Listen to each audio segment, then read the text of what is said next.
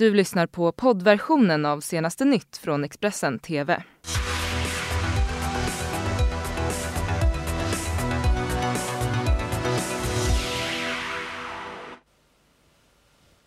God morgon, det är måndag den 24 februari och det här är våra rubriker. Man knivhuggen i centrala Stockholm i natt svärd hittat på platsen. Coronaviruset sprider sig snabbt i Italien. Nu ökar rädslan för en pandemi. Och kris på SÖS i Stockholm. Läkare vittnar om hur patienter tvingas ligga i matsalen och inte få vård. Nu har sjukhuset gått upp i stabsläge på grund av platsbristen. Vi inleder i Stockholm. En man höggs eh, i natt med ett vasst eh, stickvapen på Medborgarplatsen i centrala Stockholm. Och enligt uppgifter till Expressen så har man hittat ett svärd på platsen. Enligt uppgifter till Aftonbladet så handlar det om ett eh, brottsoffer som är en man i 20-årsåldern som blivit huggen i rumpan två gånger. Det var strax före midnatt som larmet i Björns trädgård kom. Mannen ska vara skadad men enligt polisen så var han vaken och talbar när de anlände till platsen. Två personer ska ha gripits men polisen ville nu nuläget inte kommentera uppgiften om det här svärdet som ska ha hittats. Polisen har inlett en förundersökning om synnerligen grov misshandel. Det råder just nu kris eh, på Södersjukhuset i Stockholm. Eh, patienter tvingas ligga i matsalen och eh, enligt en läkare så ska bland annat en 97-årig patient inte ha fått vård på hela 19 timmar. Sjukhuset har nu gått upp i stabsläge på grund av bristen på vårdplatser. Vi ska höra Margarita Vilobos, sjuksköterska på SÖS här. Hon säger att patientsäkerheten kan vara hotad. Idag har varit stressigt på, på SÖS Eh, jag hörde det redan när jag var hemma och jag skulle jobba på eftermiddag. Och så kommer jag till jobbet och där ser jag eh, eh tre mm, patienter som ligger i, i matsalen, i, alltså i, i där, där jag sa, alltså dagrummet. Och eh, det är inget bra att ha patienter där eftersom det, det där eh, rummet är för att ta emot eh anhöriga till patienterna som är, är liggande på sjukhuset. Vad betyder det här för patientsäkerheten när det blir så här? Ja, jag tycker att vi, vi har inte någon, vi kan inte garantera patientsäkerheten nu längre för att eh, eh att sköta om patienterna i, i, i dagrummet. Alltså det, då finns ingen integritet längre och eh, vi har för många patienter per sjuksköterska och det, och det kan du inte garantera en patientsäkerhet.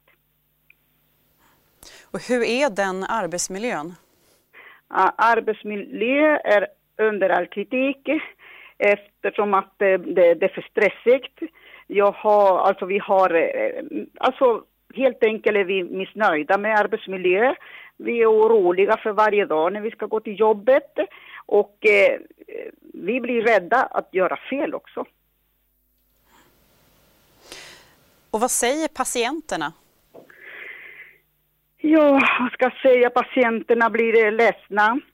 Och ehm, eh, speciellt när vi måste flytta runt patienterna även på nattetid.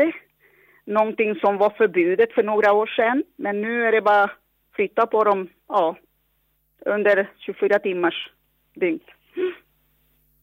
Finns det någon ljusning? Alltså görs det några åtgärder för att det ska bli bättre? Om det görs kan tänka mig att de, att de, eh, de som bestämmer att de, de gör det, men som det är nu, jag tycker att det nu har tagit för lång tid. Alltså, eh, alltså vad ska vi göra? Alltså, vi, vi, vi vill ha klarhet. Och vi fortsätter såklart att följa händelseutvecklingen på SÖS. Coronavirusets snabba spridning i Italien och Iran de senaste dagarna oroar både forskare och experter. Och nu lyfts återigen frågan om Sveriges beredskap om det är så att viruset skulle utvecklas till en pandemi. Ja, jag tror inte att man är tillräckligt förberedd just nu. Utifrån de bedömningar om, av läget som framförallt Folkhälsomyndigheten gör om enstaka fall och några importfall, kanske spridning till närstående, så säger vi att vi har en väldigt god förmåga den snabba spridningen av coronaviruset i Italien och Iran har fått experter att varna för att en pandemi kan vara nära. Det är precis den typen av nyheter som man inte vill ha om man vill, inte vill se en pandemi. För att eh, då har det plötsligt tagit sig utanför själva kärnområdet och startat igång en egen infektionscykel. Så att eh, Frågan är vart det här utvecklas. Eh, är det så att man inte får bukt med det utan man börjar se en okontrollerad spridning i Italien och Iran och andra länder också naturligtvis, då har vi i princip en pandemi redan. Men enligt Socialstyrelsen finns en god beredskap i Sverige. Klarar man en, en pandemi av det här slaget? Det går inte att svara på den frågan, men vi har de strukturer, vi har de system som behövs för att vidta kraftfulla åtgärder. På söndagen kom uppgifter om att över 130 personer smittats av coronaviruset i Italien. Även i Iran har coronaviruset fått fäste vilket gjort att Turkiet, Irak och Pakistan stänger gränserna mot landet, rapporterar TT. Så handlar det också om eh, hur man samverkar mellan länder och hur man gör gemensamma ansträngningar. Dels för att stoppa spridningen men också dels för att eh, eh så många som möjligt ska få så bra vård som möjligt. Sju personer ska ha skottskadats under en loppmarknad i USA igår. Där rapporterar Fox eh, 26 Houston. Skjutningen inträffade i norra Houston i amerikanska delstaten Texas vid 21-tiden lokal tid på kvällen alltså. Enligt Fox eh, 26 Houston så ska det ha varit ett dansevent i samband med händelsen och flera familjer var på plats. Av hittills då okänd anledning så ska ett vapen avfyrats och träffat en person i benet och därefter studsat vidare och skadat ytterligare sex personer. Ingen Ingen ska vara allvarligt skadad men de ska ha förts till sjukhus. En person ska ha gripits av polisen. Det ska nu handla om Kalla faktas program Knarkdöden i Vilhelmina där anhöriga nu berättar om hur allt fler unga män i samhället fastnar i drogmissbruk och dör. I TV4-programmet så berättar nu mamman Laila Rolfsdotter om hur hon hittade sin 31-åriga Ivan Lindblad död i sin lägenhet i november. Efter en stund så gick det jag hittade numret och så ringde jag. Och så. Jag vet inte, jag skrek nog bara att han var död. Och eh, förklarade vart det var och sådär. Och sen så tyckte jag det tog lång tid innan det kom någon och så, jag sa det åt dem jag pratade med i telefon att jag måste ringa mina barn. Så då ringde jag till dem. Och de var ju klart jätteförtvivlade. Först dog en kille. Sen dog nästa kille. Och så dog tredje killen. Och då sa jag, sa det åt folk, men varför skriver ni ingenting? Jag pratade med dem på sociala. Varför skrivs det ingenting i nyheterna? Varför, varför kommer det inte upp? Nej, men vi måste tänka på att anhöriga till de här, visst, så det ska jag inte säga, men det är ju fruktansvärt. Det tog ju bara två, tre månader så var de döda. Och TV4s Kalla fakta sänds imorgon kväll klockan åtta i TV4 alltså. Det ska nu handla om drottning Silvia för att eh, pappans nazistbakgrund har beskrivits som drottningens mörka familjehemlighet. Men Expressen kan avslöja nya uppgifter som kopplar hennes pappa Walter Sommerlath till motståndsrörelsen som ville störta nazismen. Enligt hittills okända dokument så stod han bakom en hemlig tågtransport där tyska motståndsmän smugglades till Sverige efter ett attentat mot Hitler. Pappans nazistbakgrund har beskrivits som drottning Silvias mörka familjehemlighet. Men Expressen kan nu avslöja nya uppgifter som kopplar fadern till motståndsrörelsen som ville störta nazismen. Enligt hittills okända dokument stod Walter Sommerlath bakom en hemlig tågtransport där tyska motståndsmän smugglades till Sverige efter ett attentat mot Hitler. De som eh, hjälpte till med detta det var ju dels Svenska kyrkan i Berlin men också ett antal eh, motståndsmän mot nazisterna. Och där var helt klart Walter Sommerlath en av dem. Det var 2002 som tidningen Arbetaren publicerade ett reportage som avslöjade att drottningens far varit medlem i det tyska nazistpartiet. 2010 anklagades han i TV4s Kalla fakta för att ha utnyttjat en judisk affärsman. Och ikväll kan vi avslöja nya graverande uppgifter om drottningens pappa och hans nazistiska förflutna. I juli 1944 var Hitler nära att dödas i ett attentat signerat motståndsrörelsen. Han var rasande och på jakt efter förrädare inom sitt eget parti. Kort efter dådet hjälpte Walter Sommerlath till med att smuggla judar och motståndsmän som behövde fly landet från Berlin till Trelleborg enligt de nya handlingarna. Tåget stoppades i Berlin och då mitt i natten öppnades vagnarna. Då tömde man, tog man ut möblerna och lastade man dels människor och dels betongklossar för att då jämna ut vikten. Och det här svarade Walter Sommerlath för. Det var hans idé att liksom behöva att tåget eller vagnarna behövde då balanseras.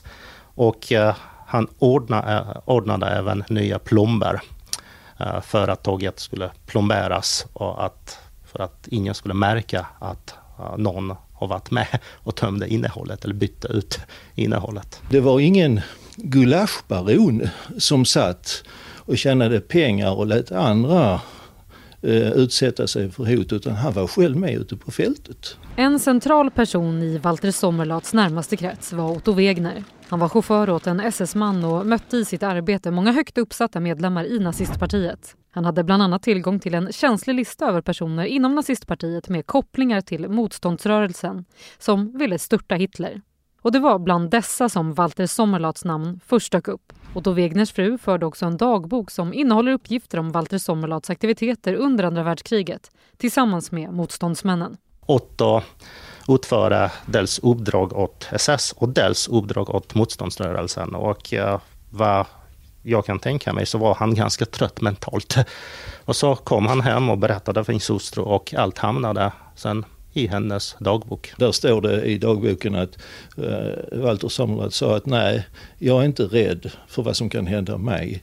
Men jag är väldigt rädd för vad som händer, kan hända mitt lilla barn, min lilla dotter.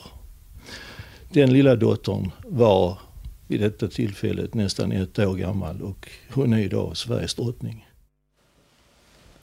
Och mer om det här kan ni läsa på vår sajt. Eh, Hanna Widerstedt hon blev ju rikskänd i Big Brother 2012 men året efter så försvann hon från rampljuset och flyttade till Tyskland för att satsa på sin konst.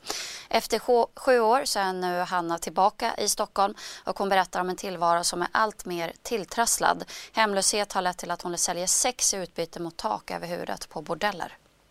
Och de hade ju makt över mig också. Liksom, ja, vill du inte ta den här kunden då behöver vi inte dig, då kan du gå härifrån nu. Så i och med att jag var i en situation att jag inte hade någonstans att bo och eh, hade inga pengar eh, så var det ju så att okej, okay, jag, får, jag får ta den här kunden och stänga av emotionellt. 2019 når hon botten. Hon har då gått igenom en komplikationsfylld abort, köpt en kanin för att trösta sig, sett kärleksrelationen krascha och kastats ut från hemmet. Så då tog jag alla mina sömntabletter, stoppade dem i munnen och jag började svälja de här, jag ska dö, jag ska dö, jag ska dö. Och då såg jag min kanin Ester. Och då tänkte jag bara, men om jag dör nu, vem ska mata Ester? Så det är tack vare att jag såg henne som jag inte tog livet av mig.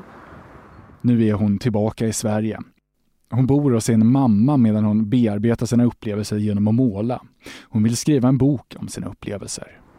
det viktigaste är att man inte hoppar över den tröskeln.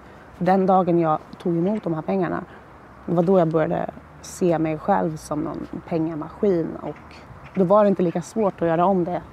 Jag hade sagt gör inte, det är inte värt det.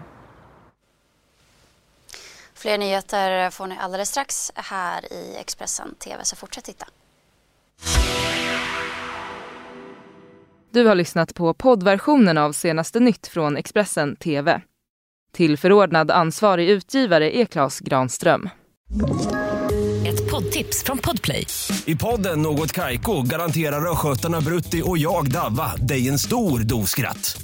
Där följer jag pladask för köttätandet igen. Man är lite som en jävla vampyr. Man har fått lite blodsmak och då måste man ha mer. Udda spaningar, fängslande anekdoter och en och annan arg rant. Jag måste ha mitt kaffe på morgonen för annars är jag ingen trevlig människa. Då är du ingen trevlig människa, punkt. Något kajko, hör du på podplay. Därför är gardinerna.